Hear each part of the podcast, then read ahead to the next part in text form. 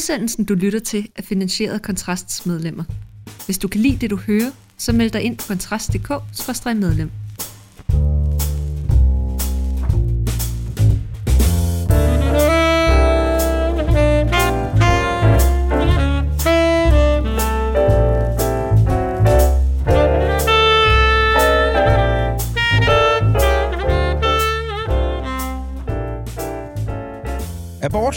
cannabis og VM i Katar. Så altid er emnerne i dagens blå team. Og panelet, der skal diskutere dem, det er dig, Maria Ladegaard, formand for Venstres Ungdom. Velkommen til. Tak for det. Og Niels Peder Ravn, medlem af Københavns Borgerrepræsentation for Ny Borgerlig. Velkommen til. Tusind tak. Og sidst, men ikke mindst, Lenny Malatinski, journalist ved Weekendavisen. Velkommen. Tak. Du lytter til Den Blå Team. Mit navn, det er Mikkel Andersson.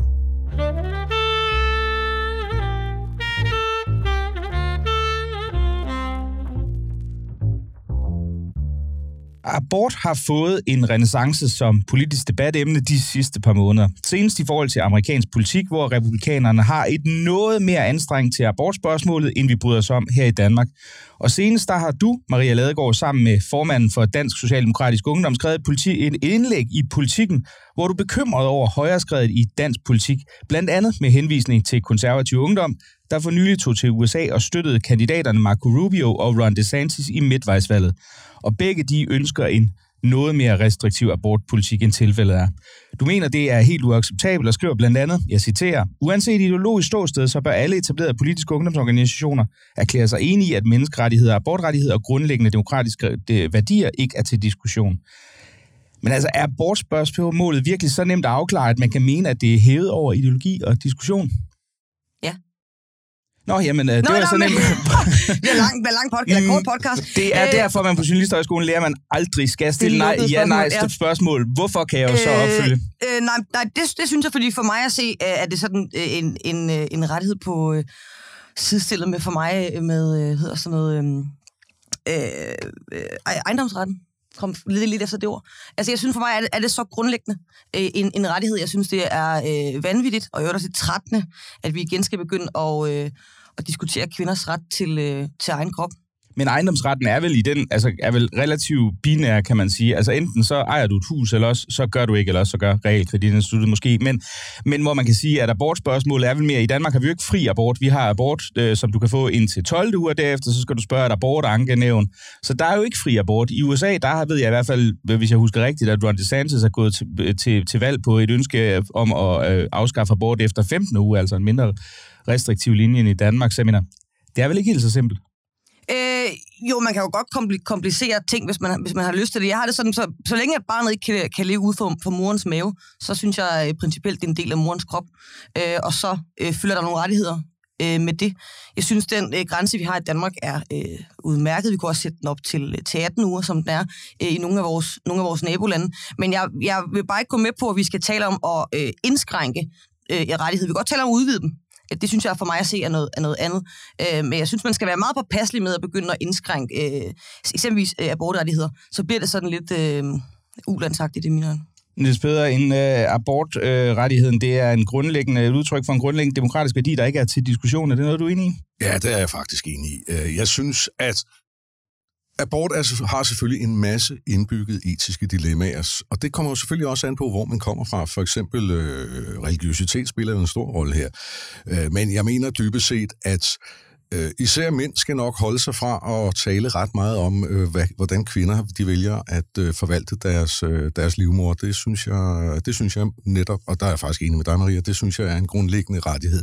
Men naturligvis er der en masse indbyggede dilemmaer som man nok, som nok, man nok har godt af at øh, diskutere. Jeg vil sige, at jeg synes jo, det var interessant, da, da KD holdt deres landsmøde her for nylig, og en taler gik på stolen og mente, at vi kunne have øh, kommet over, øh, overens med, øh, med mangel på arbejdskraft, hvis vi ikke havde abort i Danmark. Det synes jeg var et interessant synspunkt, som, øh, som jeg kunne grine længe af. Uh, men altså, det, det, jeg synes, det er et, et, et stort dilemma, men som sagt, jeg tror, at mænd og øvrigt øh, kvinder, som er efter den fødedygtige alder, de skal nok holde sig fra at diskutere det her ret meget. Lenny, samme spørgsmål til dig. Det er det. Jeg er fuldstændig uenig i det, fordi jeg har virkelig tænkt over forskellen i, altså det her, du siger med, at mænd skal fraholde, afholde sig fra at have en holdning til det, ikke? Altså, jeg synes bare, det er sjovt, at når vi taler ligestilling, så er kvinder og feminister generelt meget øh, interesseret i, at mænd øh, bliver ordentlige fædre, tager barsel, tager barnets første sygedag, alt det her. Øh, men så snart det handler om at have en holdning til barnet inde i maven, så må man pludselig ikke have en holdning, medmindre man har en livmor. Øhm, der, det synes jeg er sådan lidt, øh, sådan lidt, lidt øh, flikflak-agtig, øh, sådan bekvem holdning at have. Øhm, jeg støtter selvfølgelig også fri abort. Altså prævention og, og abort er jo grundlæggende for, øh, at kvinder har fået den personlige frihed, vi har. Er der ingen tvivl om det. Øhm, men jeg synes måske også, som at, at dem, der bruger de der argumenter om, at du ved, hvis du ikke har en livmor, så skal du heller ikke have en holdning. Det, det lyder ikke sådan vildt ligestillingsagtigt. Altså en far til et barn, født eller ufødt, må vel også have en holdning og det tror jeg, det kan, kan, jeg godt følge, men omvendt synes jeg også, der er en overvægt i debatten af sådan meget... Øh, altså i hvert fald oplever jeg, det kan godt være, at jeg går i mit ekokammer, men meget af unge mænd, der har meget stærke holdninger til abort, og, og man må godt personligt være imod abort, så lad være med at få en. Øh, det er bare sjældent, at, øh, at folk, der har meget stærke holdninger om abort, selv kommer til at stå i det, øh, det dilemma, simpelthen fordi de faktisk ikke kan, kan blive gravide, og derfor en holdning til abort fra en mand måske også lidt, lidt gratis, og det tror jeg bare, man skal være opmærksom på, når man sådan springer ind i, i abortdebatten som mand. Altså jeg synes godt, man kan være opmærksom på, at det man kan godt, jeg kan også godt diskutere øh, alle mulige ting, der ikke vedrører mig. Jeg skal bare være opmærksom på, at dem, det så vedrører, måske er, synes jeg, i hvert fald har, er lidt mere berettiget i, i den debat. Men ja, altså, uden, uden, uden at lave en sammenligning... Ja, undskyld, jeg kan bare lige sige om, altså det, det er jo et sjovt argument, du kommer med der, som man, øh, altså et fornuftigt argument, som man desværre ikke hører så meget, når det handler om for eksempel kvinder, som gerne vil være mødre, men ikke har en mand, og så er der nogen, der fortæller, hvordan, du ved, så går de i byen og, og er sammen med en eller anden random, øh, og så bliver de gravide og får et barn. Der er der aldrig nogen kvinder eller feminister, der siger, hov, hov, du skal lige spørge faren. Øhm, der er det ligesom, der er det igen kvindens egen ret til hendes egen krop, ikke? Så jeg synes på en eller anden måde, at, at der skal være en eller anden form for gensidighed. Men det er jo også mandens ret til hans krop.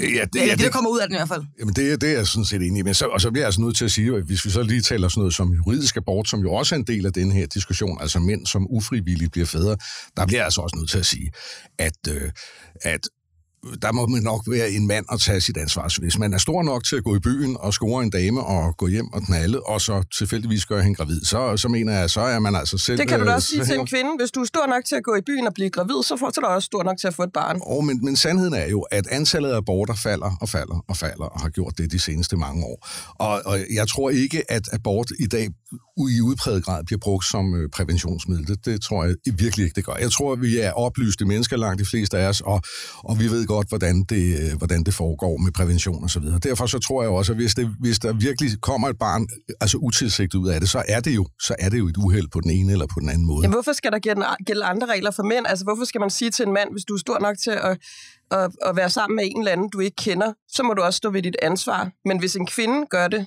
så skal hun ikke. Jamen, fordi der er forskel på de to køn. Altså, det, det længere er den jo ikke. Der, nu bliver jeg så, nu bliver jeg så meget Men det lyder da ikke så ligestillingsagtigt. Er vi, er vi ligestillede forældre, eller er vi ikke? Biologisk er vi jo, kan vi jo ikke være ligestillede. Mm, præcis. Altså, der, nu bliver jeg bare meget konservativ. Så jeg prøver, det der, det er altså noget, du selv må ligge og rode med. Det, jeg, altså, jeg, har, jeg har det så svært med mænd, som, som, som ser sig selv for ofre for kvinder i de her situationer. Det, det kan jeg faktisk næsten ikke. Men, men, men der, er vel, altså, der er vel det i det, kan man sige, at det biologiske faktum, at der skal en mand til at være med til at lave et barn, i hvert fald i en, i en eller anden udstrækning endnu, øh, er uomgængeligt. Men det, den politiske overbygning, der siger, at du skal betale, jeg ved ikke, hvor meget det er, x antal kroner i, i, øh, i hustrubidrag, til, eller til, i børnebidrag over 18 år, det er jo et politisk valg. Altså, jeg mener, det, det er der vel ikke nogen automatik i. Det er jo noget, som vi som politisk kollektiv har besluttet. Og der kan man vel godt sige, jamen altså, hvis man, hvis man siger, at det er empowering at vælge selv og træffe et individuelt valg, hvorfor er det så ikke den, den der faktisk træffer valget, der skal bære det? Det vil da vel være et meget sådan, også kvinde-empowering øh, valg, hvad ting at sige. Det er dit ansvar, du har truffet et valg, nu må du ligesom bære de økonomiske konsekvenser af det, uden at forvente, at staten skal ind og omfordele øh, forskellige andres øh, penge til det. Men altså, prøv at høre her. Det, jeg, jeg, mener, jeg mener virkelig helt ind i min sjæl, at, at, at vi har jo alle sammen et ansvar for de handlinger, vi gør. Og, og, og hvis den handling er, at man besvanger en kvinde en, øh, en sen nat efter en, en våd bytur, så bliver du altså nødt til at sidde tilbage med det ansvar. Der er selvfølgelig de, de sager, som man hører til af og til, hvor kvinder, ligesom, hvad skal man sige, nar en mand til at gøre sig gravid. Og der, det er selvfølgelig fuldstændig utilstedeligt. Det er jo amoralsk. Men det er jo svært at, øh, at sikre sig imod øh, amoralske mennesker. Det, det, det kan vi jo ikke gøre. Så dybest set, så mener jeg bare, at hvis du er kommet til at gøre en kvinde gravid øh, i, i fuldskab, eller hvad det nu hedder, øh, liderlighed, eller hvad vi nu kalder det, så, så, må du altså, så må du altså leve med de konsekvenser. Det synes jeg kun er fair. Men jeg synes også, også det er lidt en, en skør debat, fordi det er som om, vi alle sammen vælter fuld rundt ned i Goddersgade, og, øh, og der dyrisk pares ja, med hinanden, og, og folk bliver gravide til højre og venstre, og skal man så tage ansvar for, man kan ikke engang med, hvor hun hed, og hvor det var henne og sådan noget. Der er jo også mange, der bliver gravide i deres øh, parforhold, eller som øh, ses, ses med ekskæresten en eller anden torsdag kl. 16 øh, og bliver gravide. Altså, det, jeg tror, jeg vil i hvert fald våge den påstand, at der opstår flere øh, graviditeter, ufrivillige, sådan helt normalt samkvem mellem mennesker, øh, uden at man er super fuldet i godt og skade. Og så er der nogle få eksempler, hvor der er nogle kvinder, der har, øh, er blevet, har lavet et barn på en mand og sådan noget. Og man skal bare passe på, at man ikke laver øh, regler og lovgivning efter øh, de meget få eksempler, ja. men efter de, de mange. Og, og så skal vi jo huske, at lige præcis besvangringen af kvinder er jo et af de strongholds, de strongholds som, som vi mænd stadigvæk har. Jeg mener, øh, det kan jo lade sig gøre for kvinder at blive gravide uden, øh, hvad skal vi sige, maskulin mellemkomst, hvis det virkelig er det. Så jeg vil da også bare lige sige, lad os nu som mænd for guds skyld holde fast i, at det er der trods alt en, en biologisk funktion, som vi kan opretholde i rigtig lang tid nu, hvis vi vil. Lenny? Jamen, jeg tror, at den der, den der forbindelse mellem moren, altså en kvinde og et barn, det er simpelthen, altså det er den, det er den sidste ligestillingsbastion på en eller anden måde, ikke? og vi kan også se det i samværssager, skilsmissesager. Øhm, og det er bare et emne af ligestillingsdebatten, der er ikke sådan er vildt feministisk fokus på. Øhm, og det er der, hvor jeg synes, der bliver, der er en dobbelthed. Altså, vi vil gerne have øh, vi vil gerne have staten, ikke engang have faren til at tage barsel, vi vil have staten til at sige, undskyld, til faren, at han skal tage den barsel. Øhm, og han skal øh, gå til babysvømning og sådan noget. Fint nok, det er slet ikke det. Men det er ligesom, hvor, hvorfor er det, at den ambition, den, den, er, den er begrænset til øh, altså til selvfølgelig først efter, at barnet er født, det vil sige, at han må ikke have en holdning til abort, men, men mænd er jo også dårligere stillet, når det kommer til samvær i skilsmissesager. Altså, det er jo simpelthen dokumenteret på stribe, det øh, hvor, svært nogen, hvor svært nogle fædre har det, og det er, faktisk, det er jo ikke du ved, man taler om, at mænd er dog, altså, ligesom at skulle være mere uinteresserede i børn end kvinder, men altså, uden at vide det, så vil jeg skyde på, at de fleste samværssager, hvor forældre vil have mere samvær i familieretshuset, det gætter jeg på af mænd. Det er fuldstændig rigtigt, og det er jeg fuldstændig enig med dig i. At den, den side af historien, der har vi, der har vi lang vej nu for, for at opnå den form for ligestilling. Men jeg mener bare også, at det er, det er noget andet end, end selve paringsakten, kan man sige. Men, men, øh, det, men, men, men, men, du er endnu for bedre lige romantiker, ja. Niels Peder Ravn. Altså. Det lyder så men I, nej, jeg, jeg, jeg er far til fem, så... Så, jeg, så jeg, jeg. Jeg, jeg ved, hvad jeg taler om. Hvad hedder det... Øhm, og jeg er også blevet skilt et par gange, så der ved jeg faktisk også, hvad jeg taler om. Så ja, der er jeg fuldstændig enig med dig. Ja, der, der ryger romantikken en lille smule undervejs. Det må jeg give dig ret i. Nå, men, men jeg, jeg, jeg vil bare erklære mig enig. Jeg tror, at man taler meget om, øh, øh, særligt med barsel, så er det som om, at, at mænd... Jeg tror også, man er nødt til at kigge, gribe, som kvinder gribe i egen barm og sige, at der kunne kvinder også bære en del af ansvaret for, at mænd ikke, i hvert fald ikke tidligere, nu skal de jo så, i hvert fald tidligere har taget så meget barsel. For en ting er jo, at mændene får noget barsel. Der er også nogen, der skal afgive noget barsel. Øh, og der, der, der tror jeg da godt, at der er nogle, der er nogle kvinder, som har tænkt, at øh, det kunne være bedre, hvis de lige fik den barsel selv. Øh, nu var det var dem, der havde... Der, der har havde ikke været store optog i Danmark, der kræver lavere barsel til kvinder. Nej, Nej det, har det har det nemlig ikke. Det har det altså. ikke. Og jeg vil sige, jeg, jeg synes nemlig det her, at, at, at, at det nu er staten, der bestemmer, hvem der skal holde barsel, hvornår og hvor meget. Oven i købet øh, fratager øh, retten til noget, noget af barselsperioden, synes jeg også er helt utilstedeligt. Altså, der er noget det, trist, det mest triste, jeg kan se, når jeg kommer gående på Østerbro, jeg bor på Østerbro, det er, når jeg ser sådan en ung mand komme trillende med en barnevogn i hans øh, Birkenstock-sandaler og hans øh, Det er civilisationens forfald. Jamen, jamen, det er det jo. Altså, det, der mener jeg virkelig, der eroderer øh, Øh, civilisationen lige præcis, når den stakkels mand, han er blevet tvunget på barsel med et, et spædbarn, som i øvrigt, i hvert fald i mit objektiv, ville have 10 gange bedre af at være sammen med sin mor i den del af, af babys liv. Det må jeg sige. Det er, altså, min egen erfaring er i hvert fald, at, at småbørn er uinteresserede i deres far, og i øvrigt utrolig kedelige, indtil de bliver et øh, år eller halvandet, og man begynder at kunne kommunikere med dem. Det vil jeg sige, jeg har aldrig holdt mere end 14 dages barsel, og jeg kommer aldrig til det, øh, hvis jeg kommer til det igen. og, og her kan jeg jo så med skam bekende, at øh, jeg holdt et halvt års barsel allerede tilbage i, ja. i 2003, så jeg er jo grundlæggende, jeg er jo grundlæggende set et udtryk for, for civilisationsforfald. Det er, øh, det er, men jeg, jeg havde dog ikke Birkenstock-sandaler.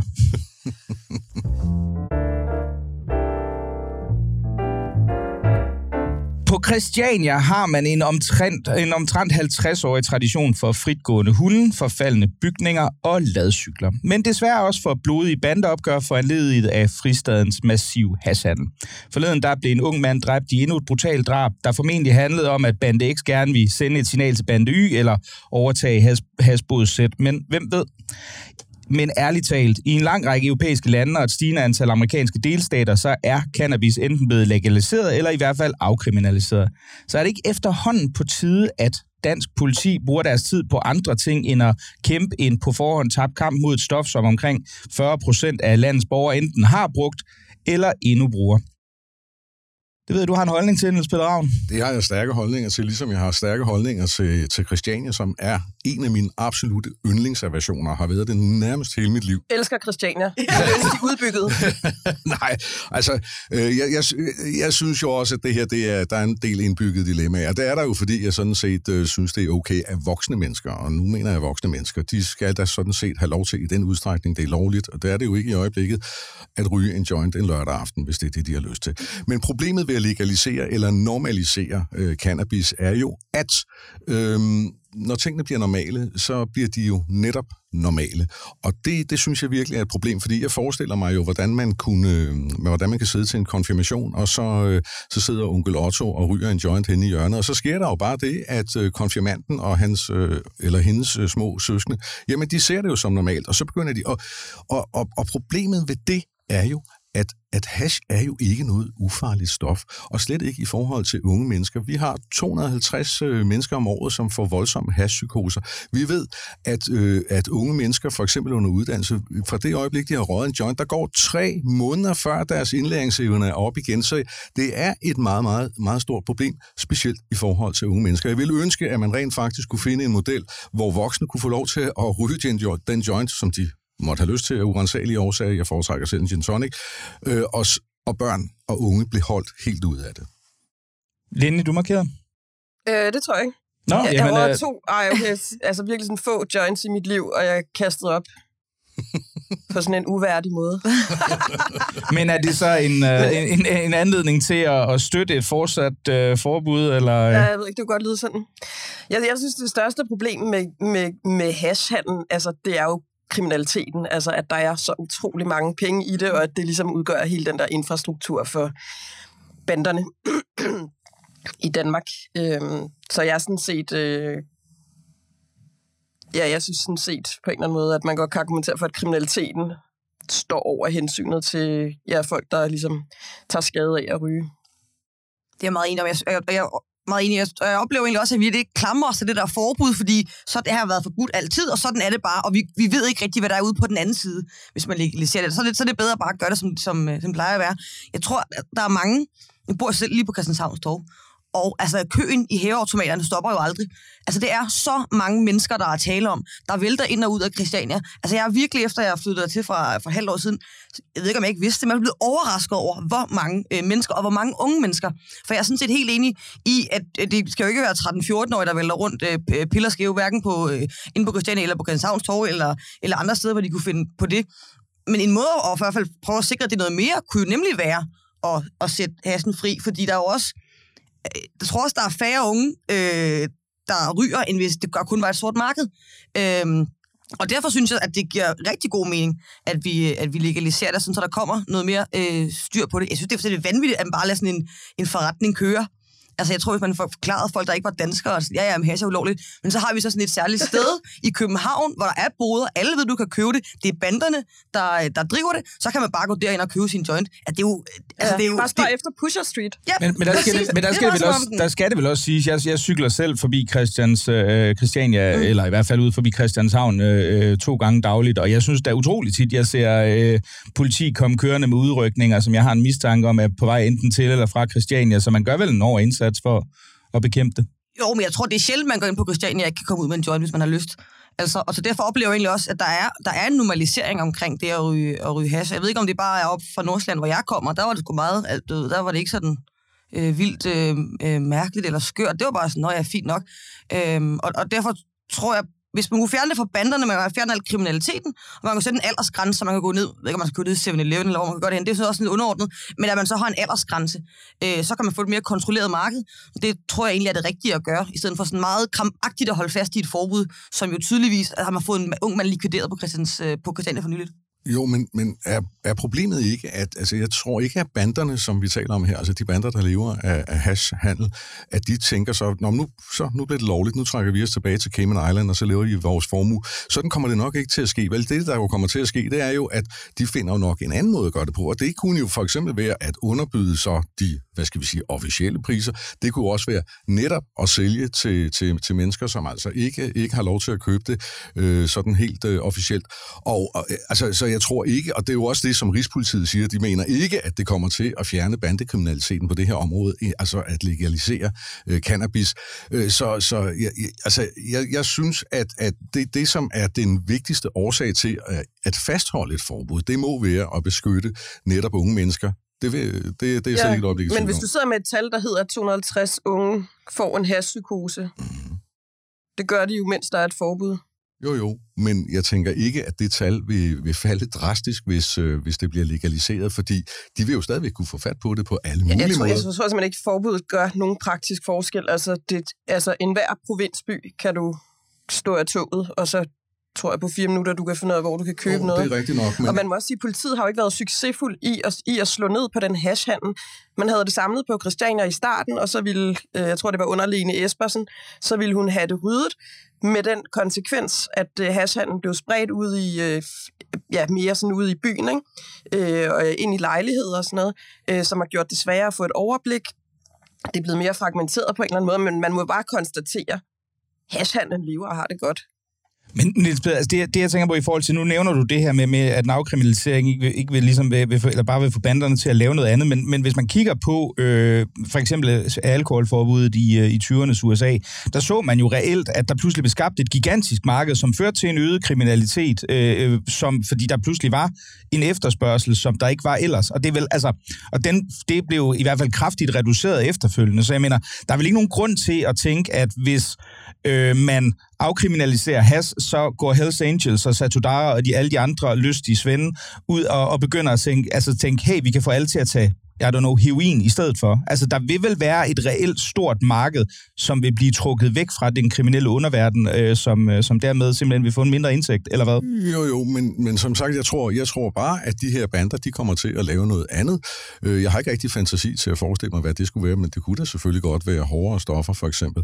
Øh, Jeg, jeg, jeg, tror, jeg tror ikke, det er det, der er løsningen. Jeg tror, at det, der ville være en, en løsning i givet fald, det var måske en model, og nu bevæger jeg mig lidt ud på, på, på tynd is, kan jeg godt sige, men, men det ville være en model, øh, eller den, som vi kender fra, fra Holland måske, hvor man har de her coffee shops.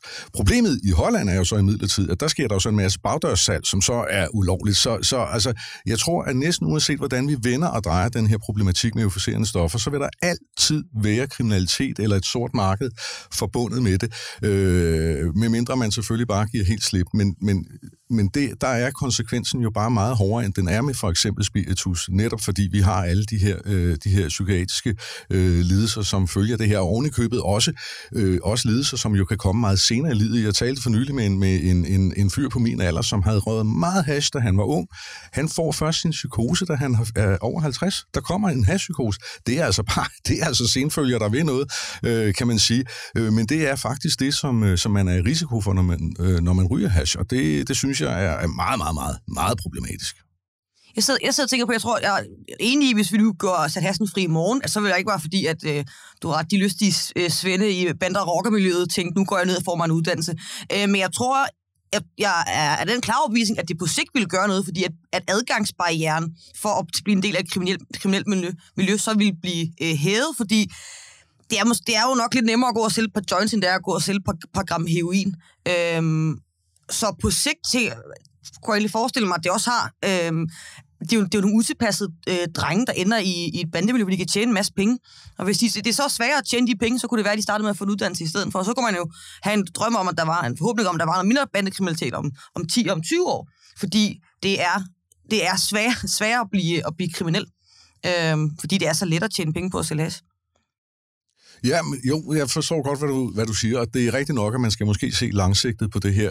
Øh, men, jeg, men jeg bliver stadigvæk nødt til at henholde mig til, at vi altså har nogle, øh, nogle meget, meget, meget alvorlige øh, skadevirkninger af ved indtagelse af hash, og, og, og jeg tror ikke, at de bliver mindre, heller ikke, heller ikke med årene. Og jeg, jeg vil igen sige, at når vi for eksempel har et forbud mod øh, spiritus, salg af spiritus til, til, øh, til unge, altså både under 16 og under 18, alt efter hvor stærkt det er, så skal man jo huske, at det handler jo så også om, at de her unge mennesker, nu er jeg som tidligere nævnt far til fem, så jeg, jeg ser det jo på det nærmeste hold. Jeg kunne for eksempel aldrig nogensinde drømme om at sige til, til mine børn, øh, hvis de, da de var underage, sige, nu, her, nu har du lige en, her har du 200 kroner til en flaske vodka, fordi de skulle til fest i aften. Det kunne jeg aldrig drømme om. Øh, jeg har altid gjort det. Jeg har godt vidst, at de selvfølgelig drikker et vodka shot eller en rambajer, eller hvad det nu er, når de skal til fest, men jeg har aldrig nogensinde ligesom initieret, at de skulle gøre det. Til gengæld har de selvfølgelig set mig drikke litervis af gin tonics eller, eller rødvin undervejs. Det, øh, så, men det jeg bare mener, det er, så længe, øh, så længe de godt ved, det er ulovligt, altså, så ved de også, at der er en eller anden, en, altså, så er der noget, de skal passe på undervejs. Så jeg tror, det er det, der er vigtigt i forhold til unge mennesker, det er, at hvis de ved, at det her det er ulovligt, og det her det er ikke noget for dem, så tror jeg faktisk, at de gør det i mindre grad end i det øjeblik, at man bare giver fri. Men, men kunne man ikke også tale for det modsatte? Altså nu, kan jeg, da, kan, nu har jeg jo både af, allerede afsløret det med, med min, øh, min barselsfortid. Jeg kan også afsløre, at jeg over i min, min provinsfortid over i Aarhus har røget en enkelt joint, eller måske endda tre. Øhm, og, og der var det jo netop, altså der var, det jo, der var der jo ikke nogen mulighed for, for forældrene eller nogen som helst andre at have nogen indflydelse på det, fordi det var jo, at du kom jo i kontakt med nogle mennesker i nogle mærkelige lejligheder, med nogle lædersofaer, nogle meget små, øh, øh hvad det hedder, vægter, og nogle læderrør og ting og sager. Altså, så jeg mener, der er jo ikke den mulighed for, at du som forælder kan sige, jamen prøv at der er faktisk et statsligt, en statslig aldersgrænse. Hvis du skal ned og købe øh, cannabis på en coffee shop, så skal du altså være 18 først. Det er nogle gange det, vi har sagt, der er aldersgrænsen for det, fordi din frontallapper er ikke udviklet tilstrækkeligt nok. Det vil vel også give nogle muligheder, eller hvad? Jamen, jo, men det er fuldstændig rigtigt. Øh, men, men, men det her er jo også et spørgsmål om moral, og det er, jo, og det er jo naturligvis et langt stykke hen ad vejen også et forældreansvar. Det skal vi altså, det skal vi altså lige huske. Øh, og, og, og, og derfor tror jeg også, at, at hvis hash i forvejen har en social slagside, og det er der ikke nogen tvivl om, at det har, øh, så tror jeg bare, at den sociale slagside, den vil blive forstærket mangfoldigt, hvis, øh, hvis, øh, hvis man normaliserer det at ryge hash. Altså det, det, det er jeg helt sikker på. Øh, så så jeg, er, jeg er altså meget skeptisk, samtidig med, at jeg jo selvfølgelig, den liberale side af mig selvfølgelig siger, at øh, jamen, selvfølgelig skal voksne mennesker have lov til det. Og, øh, og, og, og jeg ville ønske, at vi kunne finde den her model, som rent faktisk satte den, øh, satte, altså, kunne trække den streg i sandet, som, som, som skilte voksne mennesker fra, fra, fra børn og unge. Maria Ladegaard, jeg kommer til at tænke på, hvad er egentlig, det, det, det er jeg slet ikke research, men hvad er egentlig VU's holdning til, øh, til en eventuel legalisering af cannabis? Ja, det synes vi bare er, er ja, okay, men vi vil jo også afkriminalisere hårdstoffer og sådan noget. Det er sådan lidt, hvis man... Altså, wow. Øh, jo, jo, men det er jo fordi, det er jo vanvittigt i dag, så kriminaliserer vi jo øh, syge mennesker med et misbrug, i stedet for at give dem noget behandling. Øh, det er jo bagmændene, der er nogle, nogle banditter. Det er jo ikke dem, der går rundt nede i, i Istergade og har, øh, har nogle, nogle stofudfordringer. Øh, og igen, kæmpe social slagside. Så det, øh, og sammen med has, vi har det jo meget sådan, hvis folk øh, har lyst til at, øh, og, øh, i princippet suge en coke eller øh, ryge en joint, så skal de være, øh, være så velkomne. Det må være et personligt ansvar. Initialt heroin? Øh, ja. Jamen, no, men, men, men ja, men det, men det er også fordi, at jeg øh, bilder mig ind. Der er ikke går ned i Istergade og bliver tilbudt noget heroin, så tænker, det lyder som dejlig, der, der dejlige oplevelser. Det, det ved jeg slet ikke er farligt. Altså, det er ligesom at påstå, at folk ikke ved, at rygning er farligt. Det ved de jo også godt. Øhm, så det er jo ud fra sådan, men det er jo også en meget øh, øh, idealistisk, øh, ungdomspolitisk øh, standpunkt, som jeg godt kan se i øh, sådan i, øh, i, en, en, i en virkelig verden godt kan, kan blive udfordret, men jeg synes, det er øh, vigtigt, at man ikke øh, smider misbrugere i fængsel, men at man øh, faktisk øh, forsøger at få dem ud af deres misbrug. Derfor behandler dem samtidig med, at man så tager øh, bagmændene, som jo er dem, der er de rigtige kriminelle. De andre er jo, nogle, øh, nogle, altså, er jo syge. Jamen, altså, jeg er faktisk glad for, at du lige nævner rygning i den her sammenhæng, fordi det, der er jo sket med, med, med nydning af, af røgtobak, øh, efter at man begyndte at have de her, den her rygelov, for eksempel, som jo er skide irriterende, skal jeg lige sige. Ja, det er meget hørt. Men det, der jo rent faktisk er sket, altså fra, fra det, dengang det var normalt at ryge, altså I ved, hvor der var bødetobak, når man kom til, til møde henne hos øh, sin øh, revisor og den slags ting.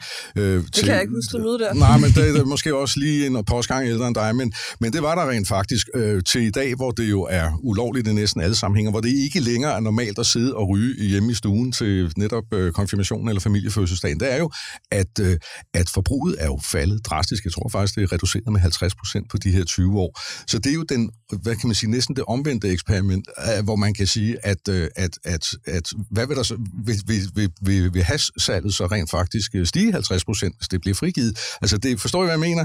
Øh, det, ja, ja, jeg tror ikke helt sådan, jeg anerkender den ene til en nej, nej, nej, det er ikke en til en sammenhæng. Jeg siger bare, at i det, man indfører restriktioner, så falder forbruget rent faktisk. Ja, jeg, jeg tror, det der er sket med, hvad hedder det, øh, faktisk det der med, at de unge årgange ryger mindre, ikke? Øh, hvad hedder det, altså EU har jo øh, for det første forbudt reklamer for tobak. Det vil sige alt, hvad der er, du ved, de der askebager, der stod øh, på caféerne, eller parasoller på caféerne, hvor der står Marlboro eller et eller andet. Det må du ikke. Og de der altså, super ulækre frastødende billeder på cigaretpakkerne, ikke, af folk i forskellige stadier af sådan virkelig ulækkerhed. Øh, altså, det, det, er sådan en, det er jo en shaming. De prøver at køre shaming-kampagne, ikke? fordi de har opgivet ligesom sundhedsargumentet. Vi ved alle sammen godt, at de er skadeligt og sådan noget. Så det skal være socialt skammeligt. Der skal ligge en nøgen mand på cigaretpakken, ligesom i fosterstilling og græde, fordi han er impotent, eller ikke kan få en kæreste, fordi han ryger eller sådan noget. Ikke? Og en baby med sådan en cigaret i munden. Sådan helt... Øh, altså Rusland fake news Putin-agtigt øh, agtig måde at, at kommunikere til, til folk på. Øhm, men det, det, det, det, det tror jeg betyder det mere end, end... Ja, men jeg tror det... Ja, jeg tror det altså, jeg, jeg kunne udskamning godt, virker. Det er jo også derfor, ja. Mette Frederiksen har tydet til det. Altså, jeg kunne da godt se sådan kæmpe store billboards, hvor der stod rygning er, eller hashrygning er en gateway drug til reggae. Og det synes jeg da, vi er skræmmende for. Langt, langt de fleste. Jeg tror jo, at det er Eva Selsing, der fandt på den i sin tid, og det er jo et, et uhyggeligt perspektiv at ja. kontemplere. Altså, hvis man cirkulerede altså, lige så dårlige joints, som der fik mig til at kaste op, så kunne det også være efterspørgselen ville stille den af. Kan man skal ikke have mindre hash, man skal bare have dårligere hash. bare pumpe det ud. mindre hash, og dernede dårligere hash. Så mange var ordene i den her afdeling.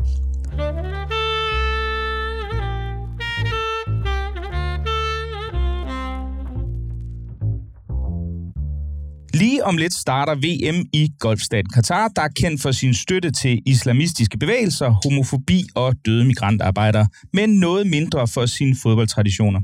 Men når man har massiv korruption i FIFA og oliehaner, der spytter penge op af ørkensandet, så behøver man da heller ikke den slags. Og nu raser debatten i vildskab om, hvorvidt det var en fejl at sende de danske spillere til ørkenstatens airconditionede stadions. Så lad mig altså lige høre, hvad I mener her. Burde Danmark have holdt sig væk fra VM i Katar? Ja, altså jeg, jeg, jeg, jeg kan slet ikke forstå folk, der øh, i ramme alvor mener, at fodbold og sport, at øh, fodbold og øh, sport og politik hænger sammen.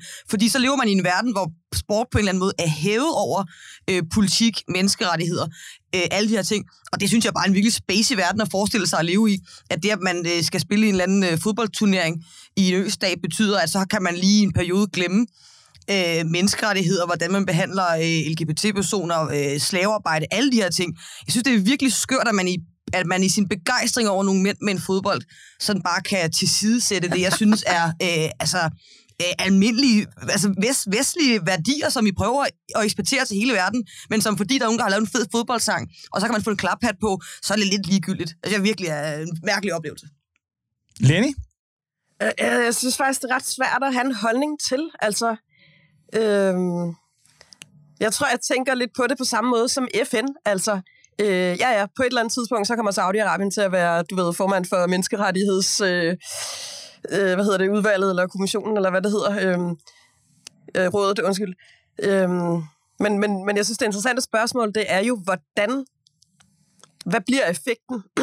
altså, hvordan forbedrer man de landes, hvordan kan vi som vestlige demokratier via kontakt med de lande smidt af på dem, ikke? Øhm, det, det synes jeg er det store spørgsmål. Altså, jeg synes jo, jeg synes jo faktisk, det er, er, er ret fantastisk, at vi har den her diskussion. Øh, jeg, jeg, er, jeg er jo ikke den store fodboldfan, kan jeg lige så godt sige med det samme. Jeg holder selvfølgelig altid med landsholdet, og så holder jeg med FCK. Men udover det, så, så er fodbold ikke noget, der interesserer mig specielt meget. Det gør Formel 1 til gengæld. Og, øhm, og jeg, jeg ser jo med stor fornøjelse øh, Formel 1. Også når det køres i Emiraterne. Og jeg har jo egentlig ikke tænkt så meget over det, hvis jeg nu skal være helt ærlig.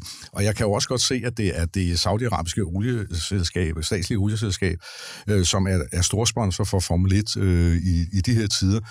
Øh, og det er noget, jeg, som jeg sådan prøver at ikke tænke alt for meget over, fordi jeg elsker min sport. Og jeg kan jo godt forstå, at hvis man er glødende fodboldfan, og det er der jo rigtig mange, der er på vores breddegrad, så kan jeg jo ikke, godt forstå... Ikke så meget herinde i studiet, men... Nej, nej, nej, nej, men... men Heller ikke nej, nej, nej, det, men, men jeg kan jo godt forstå, at, at, at, at de selvfølgelig godt vil se deres, øh, deres, øh, deres fodbold, 100% sikkert. Derfor så synes jeg faktisk, at det, det eneste positive, der er at sige om det her øh, VM, det er jo så netop, at vi har den her diskussion. Fordi jeg håber rent faktisk, at, at øh, FIFA i fremadrettet vil prøve at se på det her med lidt andre øjne, og så måske kan det også godt smitte af på netop øh, så øh, Formel 1-organisationen eller motorsportorganisationen, at man kan komme til at få en, en samtale om, om det er fornuftigt at øh, eksponere de her øh, emirater så kraftigt, som man gør. Så jeg synes, det er glædeligt, at hverken kongehuset eller regeringen for den sags skyld bliver repræsenteret øh, under det her VM, det er, det er jeg faktisk rigtig, rigtig glad for. Det, det må jeg sige, det synes jeg er en meget, meget voksen, øh, voksen beslutning.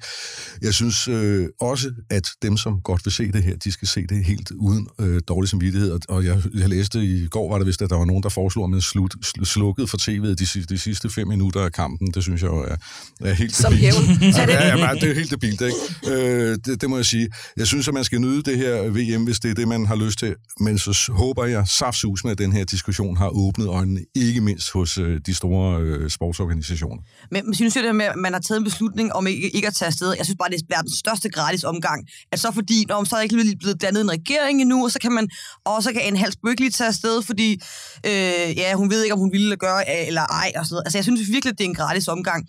Øh, og at man ikke har forholdt sig til det, før der kommer en, nogle journalister lige op til, altså lige før lukketid og siger, hvad mener jeg egentlig om det?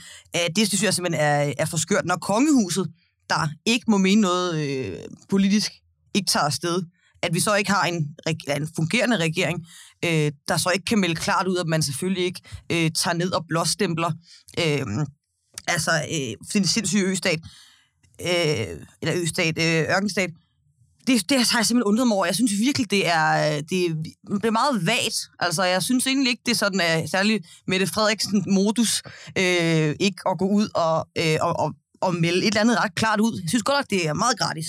Mm. Men, men altså et eller andet sted, så er det her vel en, altså det er jo verdensmesterskaberne, det ligger i selve navnet, og hvis vi kigger på det, så er langt hovedparten af verdens lande øh, i hvert fald noget mindre sådan progressivt indrettet, end Danmark er.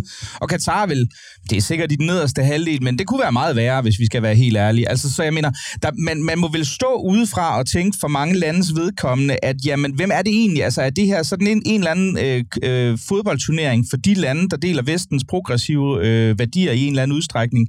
Eller kan andre også godt være med? Altså, det, jeg mener, det er jo ikke, fordi jeg vil, jeg vil forsvare det her, men selve ideen med sport har vel altid i en eller anden udstrækning været, at nu lægger man i nogen grad politikken til side, og så mødes man om at have nogle øh, sportslige fighter på grønsværen, eller hvad det nu ellers er, de går og laver. Hvis der er de sidste 10 år er døde 6.500, estimeret 6.500 øh, migrantarbejdere, det er så ikke med alle sammen, der er nødvendigvis direkte relateret og sådan noget, men så selv i en verden, hvor det nu siger bare kun var 5.000, så handler det for mig ikke om øh, så meget om politik nødvendigvis, så handler det om, skal man øh, spille verdensmesterskab på, øh, på, på, på døde mennesker, eller skal man øh, have en højere standard for, øh, hvad man gider at, at møde op til. Og der synes jeg godt, der synes jeg ikke, det er urimeligt at sige, at den standard, den er højere, end at man øh, med åbne øjne møder op på et stadion, der simpelthen er bygget af folk, der er altså, under nogle kummerlige forhold, er døde af, af varme, blevet frataget deres pas, har ikke måttet rejse, øh, rejse hjem igen. Øh, det synes jeg ikke, det synes jeg ikke er, er, er, er fine følelser. Øh, og jeg synes også godt, vi, man kan jo godt bygge stadioner, uden at folk skal dø imens. Lenny? Det er faktisk sket, ja, det tror jeg, i verdenshistorien. Jamen, jamen, jeg tænker også, det, altså det der, du siger, man, undskyld, om, om, om fodbold kun skal være sådan en, altså noget for de fine vestlige demokratier, ikke? Øhm, men, men, men det særlige ved Katar, det er jo, at det er jo en, altså det er jo et underligt konstrueret samfund på mange måder. Altså det er jo et land, men selve samfundet, altså den, altså de der falske fodboldfans, de hyrer til at gå rundt med forskellige flag nu, og sådan, altså der er jo skruet helt op for, det er jo ikke en fodboldnation, hvor man kunne sige, okay, det er et eller andet mini-uland i, øh, du ved, øh, Centralafrika, de er ikke så udviklet øh, politisk eller med infrastrukturen, til gengæld så elsker de fodbold. Det er ikke det, der er tilfældet i Katar, det er simpelthen sådan en, altså det er jo, det er jo rigtig mange af de der altså, ørkenstaters, hvad skal man sige, øh, situation, det er ekstrem rigdom og nul rodfæstet befolkning. Altså, øh, altså i forhold til, øh, her har vi en, en, et uddannelsessystem, eller her har vi en, en teknologisk sektor, der, øh, der udvikler sig, eller sådan noget.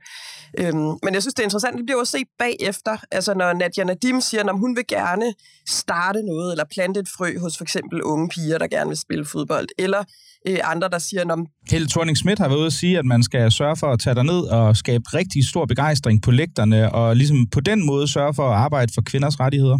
Seriøst? Ja, sådan, det er jo, det er jo helt, det er jo helt til, til kvinders rettigheder.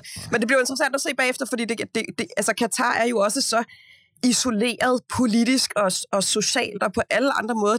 Vi kan jo sagtens stå med en situation, hvor der lander, altså hvor hele den der situation lander i Katar, og 14 dage efter, så er alle taget hjem igen, og så fortsætter det bare. Jamen, det er jo fuldstændig rigtigt, at, at de, her, øh, de her store sportsarrangementer på den egen er jo markedsføring og intet andet. Det, det, er, der, det er der ikke nogen tvivl om. Øh, og det er jo også rigtigt, at det, vi har talt, der er tale om en stat, som er en mærkelig, mærkelig konstruktion. Jeg, så, jeg tror nok, at jeg, jeg samlede op et eller andet sted, at, at der bor 2,7 millioner mennesker i Katar, og 2,3 af de her mennesker er faktisk immigranter. Det er jo, ja. en, det er jo en ret interessant uh, betragtning. Uh, når det er sagt, så, så synes jeg også, det er spændende, du lige nævner Nadia Nadim, fordi det er også noget, der har farvet mig utrolig meget undervejs. Hvordan i himlens navn, og det her, det er jo øvrigt, peger jo altid tilbage mod den her øh, øh, storhedsvandvid, som vi er til har i Danmark, både når det gælder klima, men altså nu åbenbart også, når det gælder for eksempel kvinderettigheder. Hvordan danskerne kan tro på et kort øjeblik, at Nadia Nadim kan rykke ved øh, kvinders rettigheder i, øh, i, på den arabiske halvø med så meget som en millimeter ved, og i øvrigt sikkert modtage et eller andet eksorbitant beløb i oliedollars for at være ambassadør. Det er virkelig, virkelig absurd. Men, men er der ikke også en risiko forbundet med det her? Fordi man kunne jo sige, hvis man sådan anlagde det her perspektiv og sagde, okay, Katar, det er rigtig, rigtig slemt, men, øh, men altså, dem boykotter vi nu. Men så sætter man vel også en form for præcedens. Så man kunne jo sige, hvis vi nu forestiller os næste gang, så var det, I don't know, Ungarn. Mm, der er ikke døde migrantarbejdere, men til gengæld så er der en øh, gradvis, øh, hvad kan man sige, øh, undergravning af domstolen og pressefriheden, der er meget problematisk. Der vil være en masse på venstrefløjen, der synes, de behandlede migranter super forfærdeligt. Man kunne sige det samme om Polen. Hvis vi kiggede på Brasilien, så kunne man sige, at hvor mange politifor, eller hvor mange øh, hvad det hedder, øh, folk ude i slumområderne har politiet dræbt i Brasilien. Hvis vi kiggede på Colombia, kunne vi se, gøre det samme. Altså, hvis vi kiggede på Tyskland, jeg så jo Filippinerne, vi var der, hvis vi kiggede på Tyskland, fordi det sjove var, at Katar forsøgte at lave sådan et spag, deres PR-håndtering er måske ikke altid lige effektiv, men de forsøgte så at lave en eller anden modkampagne, hvor de gik ud og sagde sådan noget i stil med, ja, men i Tyskland har der været 400, eller 4.000 overtrædelser af en eller anden hadlovgivningsparagraf. Så, så hvad, hvem er de til? Hvem er, ja, utvivlsomt, ikke? Men jeg mener bare, jeg mener bare pointen er vel, at, at der er et, re, altså et reelt argument i forhold til det her at sige, jamen, er vi ikke tilbage til, at så kan det måske være Skandinavien og øh, måske Holland og Belgien, der kan være med på en meget, meget god dag, altså hvis, hvis det er øh, øh meget stringente kriterier for det her, man anlægger? Øh, jo, men det er også derfor, man tror, man skal være lidt varsom med at anlægge sådan, altså være meget, være meget heldig. Jeg tror også, det må være sådan et give and take øh, hedder, skik, følge eller land, fly og sådan nogle ting. Øh, men men jeg, jeg, jeg ved heller ikke, hvor man skal nødvendigvis sætte, sætte den grænse. Øh, og det tror jeg heller ikke, jeg kommer frem til øh, lige i den her diskussion, øh, nu som den store fodboldekspert. Men, men jeg synes, at ikke der kan være tvivl om, at det, der er foregået i Katar, den måde, de har øh, fået det på, det ikke er en fodboldnation, for de vanvittige øh, vilkår, det, det er bygget under. Øh, det er bare at sige, uanset hvor grænsen går, så er det her i hvert fald over grænsen. Øh, men men jeg, jeg, jeg er enig med dig i, at der kommer der også til fremadrettet at være et dilemma, når man nu insisterer på at, øh, at trække en grænse. For hvor er den, hvor den streg sandet så henne? Nå, man kunne ikke også bare forestille sig, at FIFA fremadrettet rent faktisk opsat nogle kriterier, øh, som, øh, som skulle ligge til grund for den, øh, den værtsnation, man nu engang valgte. Altså, jeg ved faktisk ikke, om de eksisterer. Jeg gør mig faktisk øh, klog på noget, som jeg ikke er helt sikker på, jeg ved noget om. Men, men jeg synes da bare, det ville være rimeligt, hvis en, en international sportsorganisation rent faktisk øh, valgte et, et land ud fra, hvad skal vi sige, netop øh, menneskerettigheder, netop øh, demokrati osv., at det var det, der lå til grund for, at man udpegede en nation til at være vært for, for sådan et stort arrangement. Det synes jeg ville være smukt. Jeg tror også, at, at der er noget af det samme, der går igen i, i øh, ikke fordi jeg sådan er en kæmpe Grand Prix-fan, men altså det der med, at man har udvidet ligesom det geografiske område for, hvem der må være med i Eurovision, som det hedder. Øhm, og så forholdene i nogle af de lande, især for homoseksuelle, ikke? Altså jeg vil sige, Niels Peder, dit, dit, dit håb om, at man på en eller anden måde skulle lave, skulle lave kriterier for, hvad for nogle lande, der må modtage de her sportsbegivenheder, er måske lidt lønligt. Jeg hørte en, en pit-debat forleden dag, hvor der var en, der nævnte, at vi vil så, se noget, jeg ved ikke, vinterleje af en eller anden art. Jeg er ikke sikker på, at de olympiske, der om nogle år vil blive afholdt i Saudi-Arabien, hvilket de åbenbart bruger omkring 40-50 milliarder danske kroner, eller var det dollars på? Jeg ved det ikke, men det var i hvert fald rigtig, rigtig mange penge. Men uh, således vil jeg, lægge, uh, vil jeg afslutte dagens blå time og den her diskussion om fodbold mellem fire mennesker, der, hvor ingen faktisk interesserer sig for fodbold, men måske trods alt lidt mere, lidt mere menneskerettigheder. Ja. Det var alt, hvad vi havde for i dag. Tak fordi du lyttede med. Og øh, hov, ja, det går helt godt. Det er første gang, vi optager kl. 8.30, så jeg har ikke sagt pænt farvel til mine gæster. Tak fordi du kom, Maria Ladegaard, Niels Peder Ravn og også dig, Lenny Malatinski. Tak fordi vi måtte. Goddag.